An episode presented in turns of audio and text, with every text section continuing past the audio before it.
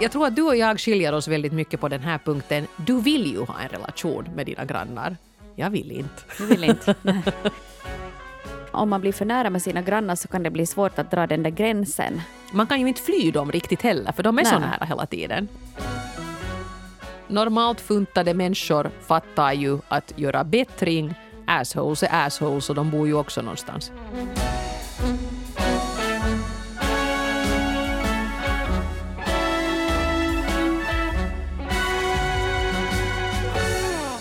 Idag ska vi här i Relationspodden prata om några av våra allra närmaste relationer. Och då talar jag kanske inte nödvändigtvis känslomässigt utan rent avståndsmässigt. Vi ska prata om grannar. Ja, de här människorna som bor, i mitt fall bakom väggen, eller Någon- mitt emot, eller i dörren mitt emot. Och, De och som sover en meter ifrån dig. Ja, du kanske äntligen sover närmare den än dina närmaste andra människor. Så kan det vara. Eller sen så människor som du möter varje dag. Och det blir ju sådana här mikrorelationer av grannarna. Åtminstone jag så träffade senast i morse då, då jag skulle få till jobbet så, så träffade jag min granne mitt emot som är helt ljuvlig. Och hon var så helt sönderstressad för de var sena och vi var sena och det hundarna skällde och de rymde ut i trappan och vi stod nu där och pärklade oss lite. Och jag tycker att det är ganska ljuvligt om man har grannar som man, som man trivs med i och med att de är just så nära. Men jag har också haft grannar som har varit väldigt jobbiga och då är det ju väldigt jobbigt i sig att ha dem just så nära för att du kommer inte ifrån dem. Det är just det. det är just det. Och du bor i höghus. Jag bor i egna hemshus. Men vi har båda också. Jag har ju, bott, jag har ju vuxit upp i höghus och du har vuxit upp i radhus. Ja. Så vi har erfarenhet från lite olika håll. Det var jätteintressant att läsa era brev. För vi frågade just då att hurdan är din relation till grannarna? En del har skrivit helt underbara berättelser om fantastiska grannar och andra medger ju nog att, att det kan vara lite jobbigt. Och den som inspirerade oss till just det här ämnet var ju signaturen J som sa att hen bor i ett höghus och inte riktigt är säker på, det är lite sådär klurigt att vilka grannar ska man hälsa på och vilka ska man inte hälsa på? För att en del är trevliga och då kan man till och med bli där och stå och prata en stund som du i morse och andra verkar inte riktigt vilja att man ska hälsa. Ja. Och ska man då respektera det eller hur ska man göra? Nu jag är ju lite en sån här som, som pratar ihjäl mina grannar. Vare, sig, vare sig de vill det eller inte. Att jag är ju en sån som hälsar på alla. Att åh, välkommen hit till huset om någon ny flyttar in. Och så. Att, har du någonting att fråga, att fråga mig. Och jag tror att vi har en, i vår trappa så har vi en ganska sån trevlig gemenskap. Att där tycker jag att det skulle vara väldigt konstigt om man inte skulle hälsa. Men jag har också förstått, jag frågar runt lite här på jobbet också av en kollega. Så, så han sa att det skulle aldrig falla honom in att prata med en granne i ett Jaha. höghus. Så att det är tydligen, inte vet jag om det är bara de trappor som jag vet du, på något vis kärleksbombar eller, eller hur det är. Men vi finnar så talar ju överlag inte så jättemycket med varandra. Nej, och jag är ju nog på den där vägen att jag hälsar ju på alla mina grannar. Klart det att man nickar och Med ett sådär. glatt mittfinger. Nej. Nej. Man får faktiskt nu för tiden när man går med munskydd måste man ju ropa hej! Ja. För det att man nickar och ler så det syns ju inte.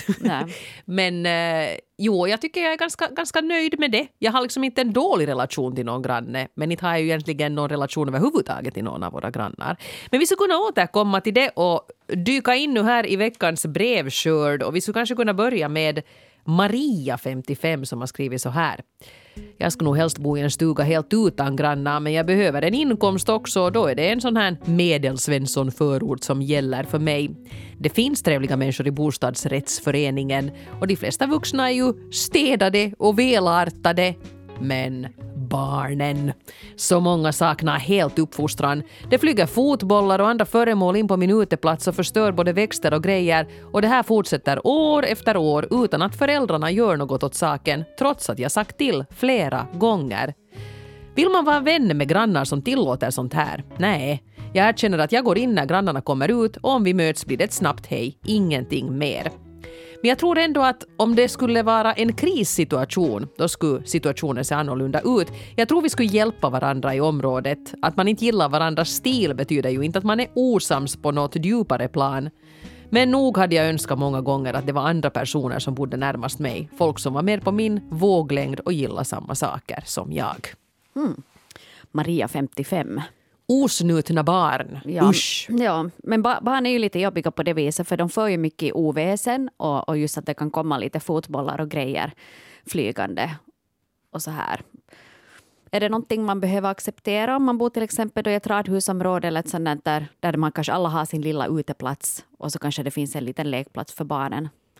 Nej, det tycker jag inte man ska, man ska behöva acceptera. Inte att saker går sönder på ens uteplats. Det är ju inte okej någonstans. Och, och, och det, sånt händer. Sånt händer och misstag sker och barn leker och det är sånt som... Det, det i sig måste man ju acceptera om man nu bor nära andra människor. Och det tycker jag är helt okej. Men att ändå säga till flera gånger att kan vi ha som regel att ni inte sparkar boll på den här uteplatsen för att nu gick igen min blomkruka sönder. Mm. Och att de där föräldrarna, jag menar jag vill ju inte skylla på barnen här, utan det är de där föräldrarna som har ballat bort det här. Nu måste de ju lyssna på det och säga till åt barnen att hej, att ni kan inte sparka bollar ditåt, för nu hade ni igen sönder arga tantens kruka. Kalla henne för arga tanten dessutom. Arga Maria, arga 55. ja, no, no, barn är ju som de är, precis som mm. du sa. Att jag nog tycker att det är föräldrarna som behöver ta ansvar för, för barnen också. Jag har en kompis också som bor i just det, vad jag kan föreställa mig ett lite liknande område. Det är liksom separata hus men det finns en gemensam lekplats med en trampolin och någon sandgrejer och, och, mm. och sådär. Och, och där kan det nog vara så att det är både barn och, och, och andras djur som kommer in mitt i allt. Att hon sa just att hon har hittat vet du, någon grannens katt på mm. köksbordet. Och, och sånt här. Så att det, det är kanske inte alltid så trevligt. Men inte vet jag. Jag tror nog kanske man måste lite välja också hur man bor baserat på vilka preferenser man har. Mm, ja, eller, eller om man, man inte tål barn så kan man ju kanske inte bo i ett sånt här precis vid en, vid en liten rutschbana och en liten gunga. Det är ju bara dumt. Men, men jag tycker nog jag är nog helt på Marias sida i det här fallet. Att jag förstår att hon har blivit lite förbittrad på sina grannar om de inte försöker göra det bättre eller mm. försöker tillrättavisa ungarna. Vi hade ju en sån situation, tomten eh, där mitt hus står så är väldigt sluttande. Och då är det ju lockande på vintern att åka pulka från grannarnas tomt ner på vår tomt. Och då hade vi just på sommaren planterat ganska dyra rosenbuskar och tänkt att de skulle ta sig. Men just där åkte då grannarnas barn pulka. Så vi gick och sa till att hörni att åk inte att kan ni åka på andra sidan om det här trädet, att vi har buskar här under, att de syns inte under snön men att, att de kommer säkert inte att att klara sig över vintern om ni åker här över. Och vi var inte arga och ingenting, men de där barnen blev jätterädda och så kom deras föräldrar och var sådär att ja, vad, vad kostar det och kan vi ersätta de där buskarna? Och vi sa att nej, nej, nej, att det var ju inte på det sättet nu alls, men att mm. bara sådär nästa gång de åker så kanske inte åka just där. Men det var ju schysst och, ja. och de grannarna tog ju det på ett bra sätt, att de tog ansvar för om de barnen, ja, ja, om och, de barnen skulle ha förstört några rosenbuskar. Jag tycker också, det som de här grannarna borde ha gjort, erbjuda att ersätta det som har gått sönder och säga att vi talar med ungarna. Då skulle allt vara frid och fröjd, det är inte svårare än så. En annan grej som irriterar väldigt många då det kommer till grannar så är det här med tobaksrökning. Och, ja. och det är ju alltid på, på tapeten nu och då att vissa husbolag förbjuder till exempel rökning på balkonger helt och hållet. Men sen så har man frågat lite hur mycket kan du inkräkta på någon annans område och vad det egentligen gör där. Men här hade signaturen eh, Funderande 44 skrivit om just det här med rökning. I vårt radhus hade vi ett kedjerökande par som absolut inte kunde förstå att röken sugs in i vår bostad om de står några meter från våra öppna fönster och röker. Det var omöjligt att alltid ha fönstren stängda på grund av att det blev så varmt hos oss och det hade varit hur lätt som helst för grannarna att gå några steg åt sidan för att åtgärda problemet. Jag tog upp saken med dem men bemöttes med ett hånfullt ”om du inte vill ha rök i bostaden så får du väl flytta till landet”. Något år senare skaffade de dessutom en stor aggressiv oskolad hund som skällde och ylade stup i kvarten då ägarna inte var på plats. Jag gjorde otaliga försök att ta upp saken med grannarna, disponenten och till och med stadens hälsoinspektör, men det ledde absolut ingen vart. Nu har vi flyttat och det enda som känns dåligt är att veta att vi dumpar dessa fruktansvärda grannar på någon annan oskyldig person eftersom vi inte kunde berätta sanningen i annonsen. Människors frihet att terrorisera andra tycks vara viktigare än andras frihet att leva i frid. Och det finns väldigt, väldigt lite som någon kan göra. Skriver Funderande 44. Det är ju så snopet att det är så där. Jag minns att vi hade för några år sedan ett segment i programmet Radiohuset som hette Grannakuten. Och då var det här med rökning just ett väldigt återkommande tema. Att folk höll på att bli vansinniga på det här. Och så att det är just som den här funderande 44 skriver där att man kan inte riktigt göra någonting för det är inte nu direkt förbjudet heller att röka på sin egen bakgård till exempel. Men det är ju klart att det är väldigt oschysst. Mm. Och speciellt om grannarna har tagit upp saken. Att man ändå struntar i det och fortsätter stå just precis där och röka. No, ja, och sen kanske det också är lite sådär som att, äh, vet du, man tänker att grannarna har just eh, grillat och lagat mat och, och sen att behöver du då stå just bakom tuj äh, muren då sen på din, på din kvällstobak. Det kanske du inte behöver. Att kanske du kan först gå till andra sidan huset eller lite längre bort. Så det är nu inte så där direkt i alla fall. Att nu, nu tycker jag liksom att man ändå behöver respektera det. Att, Ja. att äh, folk kanske inte vill ha en just utanför fönstret på sommaren och bolmandes stup i kvarten. Samtidigt så tycker jag också att nå, det kanske är någonting som man får leva med om man bor någonstans där det bor mycket människor. Att Man kan ju inte heller liksom tänka då att, uh, att okej att vi har nu fast här då ett, ett höghus, att den här ena grannen som röker, Nå, då kanske det är så då. Mm. Men jag tänker nu också att skulle nu till exempel, jag menar passiv rökning är ju en hälsorisk. Så skulle jag nog ha en granne som står och bolmar så att det far rakt in i lilla Oskars barnkammare. Så inte ska jag ju säga att tycka att det är okej då. Nej. Utan nu ska man ju faktiskt sätta, sätta foten ner. Så har man blivit så känslig för tobaksrök också. För att förr när man alla rökte hela tiden och folk rökte inne på restauranger och så här var man på något sätt luttrad och van vid tobaksrök. Men nu kan jag bli riktigt sådär uh, Mm. och det dyker. Man, man känner ju tobaksrök. Någon, någon röker här någonstans. Ja, ja. på ett helt annat sätt. Ja, det är lite svårt det där. Eh, Det är svårt att säga. Men jag skulle tycka i alla fall, försök nog respektera dina grannar i alla fall. Och just att, att jag tror att det är en stor skillnad också att om du fast har en fest och folk går ut på tobak så tror jag inte att någon har något desto större problem med det. Men att om du har det fast ett par som hon skrev här då, som kedjerökar, att de röker hela tiden. Så då förstår jag nog helt att det kan vara, vara ett problem. Men hej den här hunden då? Ylande och skällande, gläfsande, oskolade djur som, som funderande 44 också tog upp. Vad tror vi om det? Inte kan man ju riktigt göra någonting där heller. Inte är det ju förbjudet att ha ett, ett husdjur. Och inte kan man heller kräva att det där djuret är, är tyst och skolat. Det är andra människors privatsaker. Så man har ju liksom inte juridiskt några möjligheter att, att ingripa där. I, det- I trappan där jag bor så, så finns det jättemycket hundar. Jag har en hund själv också. Eh, och det finns en hund nä, nästan bakom varje dörr. Jag tror i bara vår våning så finns det tre hundar av fyra dörrar. och, eh, jag tycker den här hunden som bor mitt emot, så då de flyttar dit så då skällde den väldigt mycket på dagarna. Och hon, den där ägaren också frågat, kan du lyssna att är den där hunden orolig? För det vet du ju inte heller. Nu har jag ju lämnat Sisu hem att, nu vet jag ju för jag har frågat grannarna att, hör, han, att hör, hör du av honom på dagen? Och det gör man inte. Okej. Att då har vi Nej. från början liksom tränat honom att vara ensam och bli van med, med ljud och, och så här så att, så att det funkar helt bra. Men den lugnar också ner sig. Men nu här för, för någon vecka sedan så flyttade in nya grannar i vårt hus och eh, de har en liten vovve som skäller något infernaliskt. Jag hör inte, men jag har grannarna runt omkring sig att det är helt fruktansvärt att du kan inte jobba hemifrån, att den här hunden är helt i panik och den bara skäller och Ja. ylar hela tiden. Och hunden är säkert olycklig och den har kommit till ett nytt hem och tror den är övergiven. Men då skrev den här ägaren då en, en lapp i trappan att förlåt, vi är medvetna om det här problemet, vi försöker träna hunden att den ska bli trygg här, men att om ni kan ha lite överseende här nu under några veckor tills hunden vänjer sig. Okej, det- men det är bra. Ja. Då, då vet ni grannar att det finns en plan för det här. Ja. Att, att ni inte behöver börja underrätta dem om att hunden väsnas utan att de vet och att de försöker fixa det. Mm. Så tycker jag var en, ett bra sätt då. Vettiga grannar du har. Ja. Vi har här WG, 69 år, som skrev kort och gott Grannar som bor i höghus lägger sig alltid i sånt som de inte har att göra med. Det vet jag av erfarenhet. Nu då vi bor i villaområde så är det tvärtom. Ingen kommenterar vad den andra gör. Eh, intressant. Jag har ju som, som sagt var testat på båda boendeformerna och du också. Har du noterat att det liksom är en skillnad mellan att bo i egnahemshus eller småhus, radhus, något sånt här och att bo i en trappa, höghus? Och givetvis är det en stor skillnad för du kommer ju dina grannar så mycket närmare. Att det är att om du möts i hissen så då, du träffar ju dem varje dag. Att du som bor i egnahemshusen, du har en stor gård, att du måste nästan vet du, gå och ringa på dörren eller gå och skrika över häcken om du vill ha uh, någonting att, att, att göra med dina grannar. Så det är klart det finns en stor skillnad. Och sen kanske också folk som väljer att bo i villaområden och egnahemshus, de gör det för att de vill vara i fred. Och om man lämnar de andra i fred så får man själv också vara i fred. Så är det kanske. Men det här är ganska intressant för att jag tror att du och jag skiljer oss väldigt mycket på den här punkten. Du vill ju ha en relation med dina grannar. jag vill inte. Du vill inte? Nej.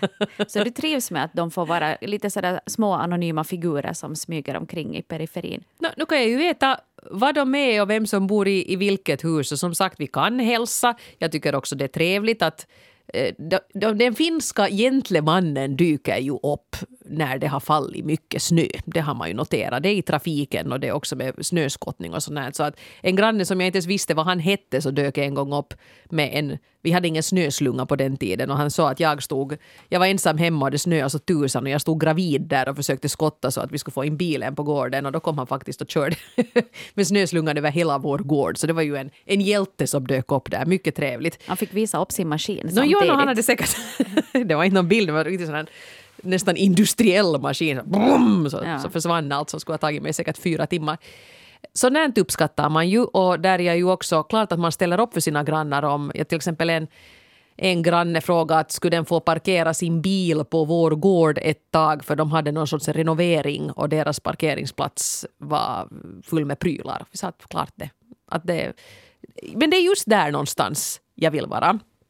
Jag skulle inte trivas med att ha sådana grannar som man umgås jättemycket med och sitter i varandras trädgårdar och, och har det mysigt och mojsigt och, och så här. Det låter trevligt, men jag tycker också det kommer lite för nära inpå.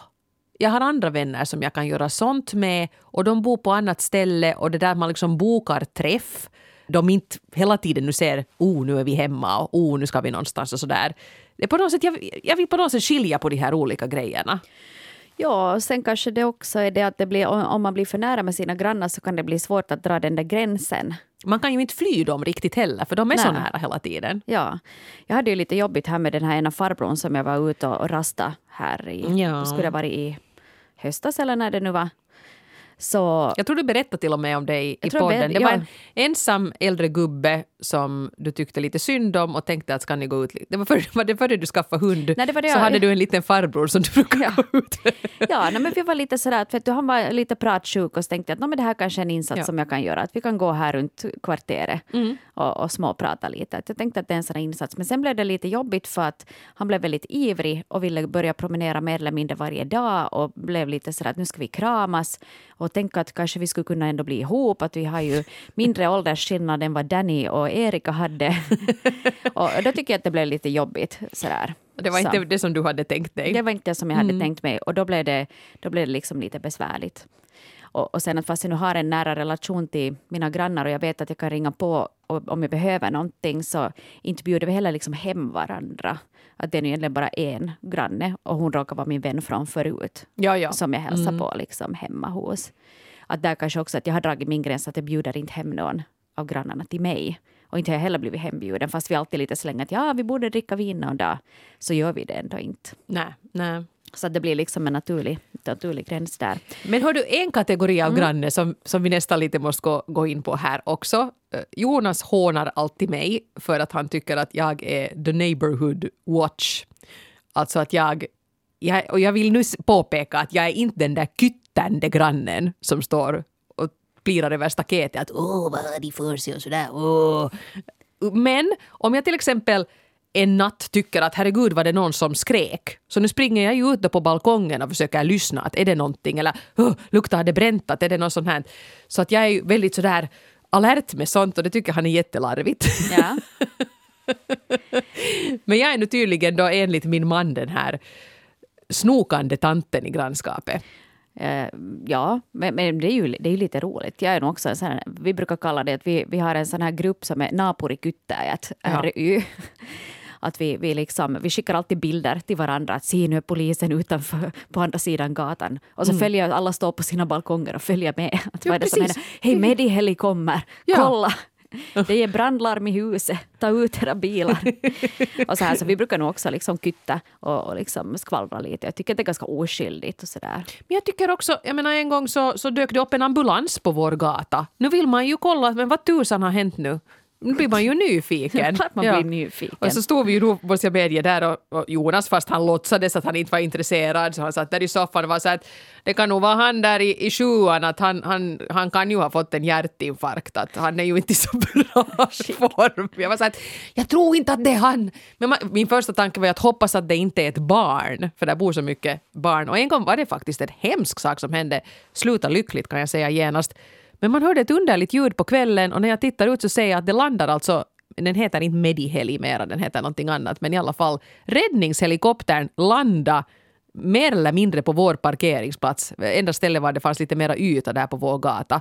Och då blir man ju... No, jag jag sätter mig ju nu inte i soffan då och fortsätter att titta på Real Housewives då, utan nu måste man ju veta att vad händer. Och då var det en, en, ett grannbarn som höll på att kvävas, alltså hade satt någonting i halsen och de fick inte ut det. Och då faktiskt kommer räddningshelikoptern, vilket är helt fantastiskt.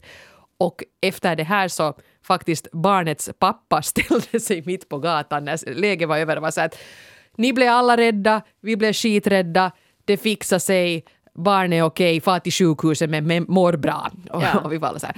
Ja. att klart att man blir engagerad. Och jag tycker det där är ju inte bara nu det att, att jag skulle vara sällsynt nyfiken utan fast jag inte känner de här människorna så man bryr sig ju om dem ändå. Ja. Ja, men förstås gör man. Ja. Jag har min, min den här ena grannen i den här gruppen så hon är, hon är ganska bra på det här med räddningsverk och vilka signaler de sänder ut. Att kommer det, vilken bil kör brandmästaren? Det är ju inte brandbilen, det kommer alltid med en så mindre bil. Och ambulanserna, vilka ljud har de på och hur snabbt kommer de? Och vad gör de åt personen? Är den död eller är den inte död? Du, sådana här grejer. Så brukar hon säga, ja mm. men det här går säkert si och så för det var så och så. Man får ju bara godta att sen när man själv bärs ner på bår så att ja. alla står där och I sina WhatsApp-grupper och säger att nu var det färdigt no. med norrerna. ja. ja. Men ja. Ska vi gå tillbaka till brevskörden nu? Vi går tillbaka till brevskörden. Ja. Äh, här tyckte jag att ett sympatiskt litet brev hade kommit från Siv, 66. I mitt höghus så finns det flera små ettor som ägs av investerare. Hyresgästerna byts ofta ut och de flesta är unga människor. Jag är pensionär och bor på fjärde våningen utan hiss och ibland så går jag rakt på sak och ber de unga grannarna om hjälp och de har alltid ställt upp. Jag har bott i huset länge och är glad att det finns hjälpsamma unga grannar som hälsar glatt. Trevligt. Siv klagade också däremot på en annan äldre granne som jommar på allt möjligt. Ja, där ser man Så just där, där har man ju kontrasten då. Men ja. vad fint. Och det där har jag nog lärt åt mina egna barn också, för vi har också äldre personer som bor i vår trappa, att om du ser då er att komma gående. Så då ser du till att du alltid öppnar dörren eller erbjuder, om han har en roskis i handen så går du och för skräpet mm. för honom istället. Och så kan du hjälpa gamla gubben men säga att mamma svarar nog nej på ditt frieri ja. den här veckan också. Ja. Men att man liksom lär dem lite hjälpsamhet i alla fall. Det tycker jag ju är trevligt och klart att man gärna hjälper sina, sin, sin äldre granne till exempel nu här under pandemin så såg jag i en del sådana här Facebookgrupper. Eh, mina föräldrar bor i ett höghus så att de har en sån här Facebookgrupp för den stadsdelen och där var folk som sa att är du en äldre människa som inte nu vågar gå ut alls på grund av pandemin så ska jag gå till matbutiken, behöver du något från Alko jag kan mm. hämta. Och det tyckte jag var, var en fin, fin gest. Ja att man på något sätt uppmärksammar. Nu vet jag inte om de där äldre nu nödvändigtvis var i den där Facebookgruppen men jag hoppas att det här var ett bra sätt att kommunicera. Men apropå Facebookgrupp, vår första brevskrivare, eller var det kanske rent av den som, det var J som inspirerade oss till det här avsnittet, tog upp det här med att ibland har man i bostads sådana bolag Facebookgrupper som kan utvecklas. Men tanken är ju säkert att man ska kunna lite dela om ditten och datten och, mm. och underrätta om saker och så här. Men ibland kan det ju bli en riktig shitstorm. Eller WhatsApp-grupper kan det också vara. Ja, något sånt här. Säkert åtminstone sådana trådar, eller sådana grupper tror jag, telefongrupper, mm. där det är bara en utvald grupp med människor. Och då kan det ju bli lite sådär också att man, no, kanske som vi också vet, att man börjar skvallra lite om grannarna och så här. Men det är nog ganska oskyldigt. Inte säger vi nu några elaka saker ändå. Men just så där om man skriver dit ett klagomål som nog är anonymt men det ändå är skrivet på ett sätt så att alla vet vem det är man klagar på. Mm. Då tycker jag ju nog att det mer rakryggade skulle vara att ta det där klagomålet med, direkt med den som som man är sur på ja. och inte sätta det dit i, för att få någon sorts kamratskapsstöd i sitt bitchande. Mm. Ska vi ta brevet från en som efterlyser sunt förnuft här för att här gällde det faktiskt delvis en sån här grupp. Så här står det. I fjol somras flyttade en singelkvinna på 50 plus in i vårt hus. Hon är trevlig och vänlig på alla sätt. Hon hjälper till med gårdssysslor, hon skottar snö och krattar och så vidare. Men hon ordnar också blöta fester för sina väninnor med högljudd sång, musik och hela köret och de här festerna varar långt in på natten. Den här grannen bor precis under mig. Och det är spring i trappan, det är bastubad i husets gemensamma bastu sent på kvällen och det ska vara okej om det här nu hände någon gång om året men det är fest med jämna mellanrum.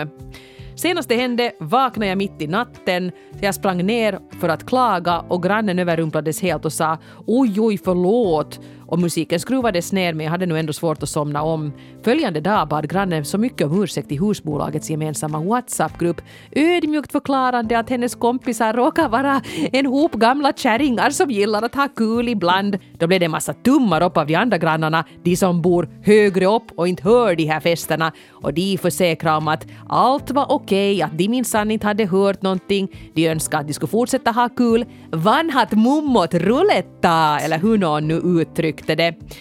Ja, jag kan ju också tycka att det är lite roligt med 50-åriga tanter som vågar och gillar att festa som 20-åringar, men inte i ett höghus halv tolv på natten. Vad händer med att respektera andra?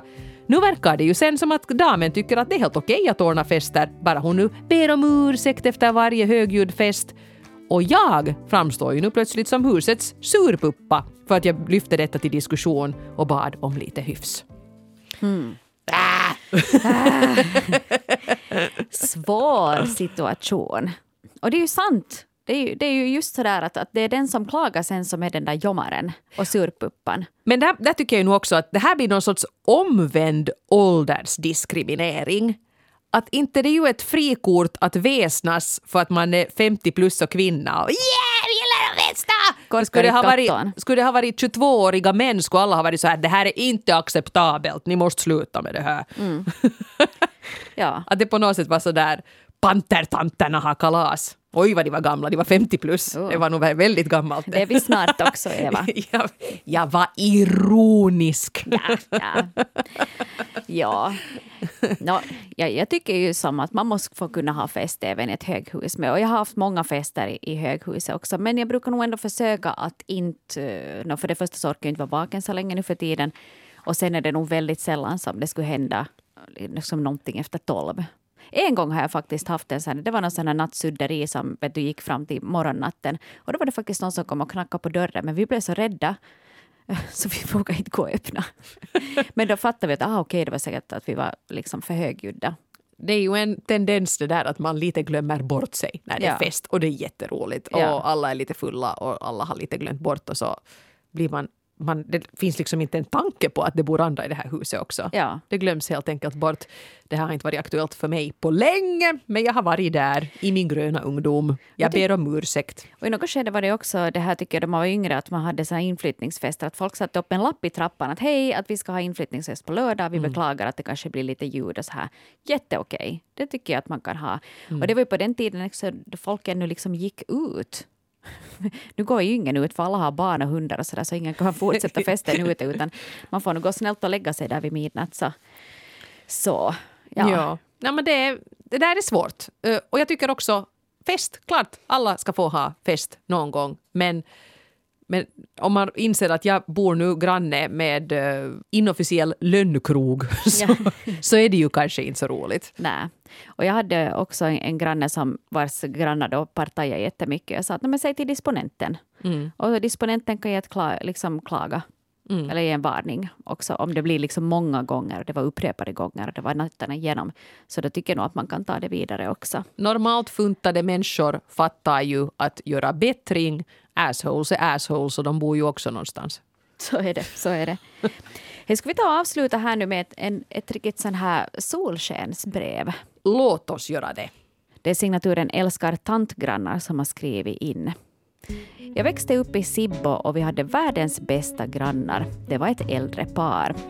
De hade bott i huset bredvid oss i 40 år. De kom ihåg allas födelsedagar, hälsa alltid, hjälpte till och gav en kram då det behövdes. De var verkligen som morföräldrar som jag aldrig har haft. Vi flyttade så småningom bort men fortsatte att ha kontakt och då jag 2020 skulle bli student så kunde de inte komma på min studentfest på grund av coronan och deras höga ålder men de skickade ett vackert kort, höll ett tal åt mig i telefonen och gratulerade mig till studieplatsen. Sådana grannar kan det också finnas. Jag hade också det, det jag växte upp i ett radhusområde i, i Vasa, så där fanns också ett sådant barnlöst par. Och jag älskar speciellt den där kvinnan i det där paret. Hon, hon orkar med allt det där som min egen mamma kanske inte orkar med för hon hade fullt upp med jobb och två barn och hunden och allt det där. Men hon hade tiden att vet du, göra allt det där. Vet du, gå och titta i trädgården och torka rosenblad och vet du, hålla på och så där. Så vi var ju ofta där. Mm. Och det var nog liksom väldigt värdefullt. Och säkert också för, för min mamma så var det ju bra att, att man visste att no, barnen de är säkert där. Det här mina barn går miste om när jag är sådär att grannar, nej, nej, alla har sitt. Ja. Luktar det bränt här? Ja. ja. Så. Men mm. var och en måste ju liksom hitta sitt eget sätt att förhålla sig till sina grannar. Men jag, jag måste ännu här på slutrakan säga det att, att jag tycker att det är väldigt värdefullt att ha en kontakt till mina grannar. För att jag också, jag är ändå ensamstående förälder och jag bor med två barn, att för mig har det alltid också varit en sån här säkerhetsgrej. Att jag vet att om det händer mig någonting så kan jag eller mina barn ringa på i princip, eller ringa på alla dörrar i min våning och så många andra våningar. Att de vet säkert tio familjer som bor där. Mm. Och det tycker mm. jag också är bra, att de kan be om hjälp. Eller att om någon, de har låst ut sig så måste jag ringa den här dörröppningsfirman som skulle ha betalt direkt. Så ringer jag min granne och säger hej kan du gå och betala den här dörröppningsfirman där jag är på jobbet så mitt barn slipper in hos. Att, förstås. Mm. Att det är också mycket såna trygghet och, och säkerhetsgrejer att man också lite vet vem man har bakom de här väggarna och vem man kanske sover allra närmast. det, är alltid, det är alltid helt bra att veta vem man sover bredvid. Ja. Det, är ju, det är ju en bra tumregel. Sådär ur säkerhetssynvinkel. Mm, ja. Mm. ja, men jo, du talar klokt och jag håller med men jag tänker inte ändå umgås med mina grannar. Det är okej. Okay.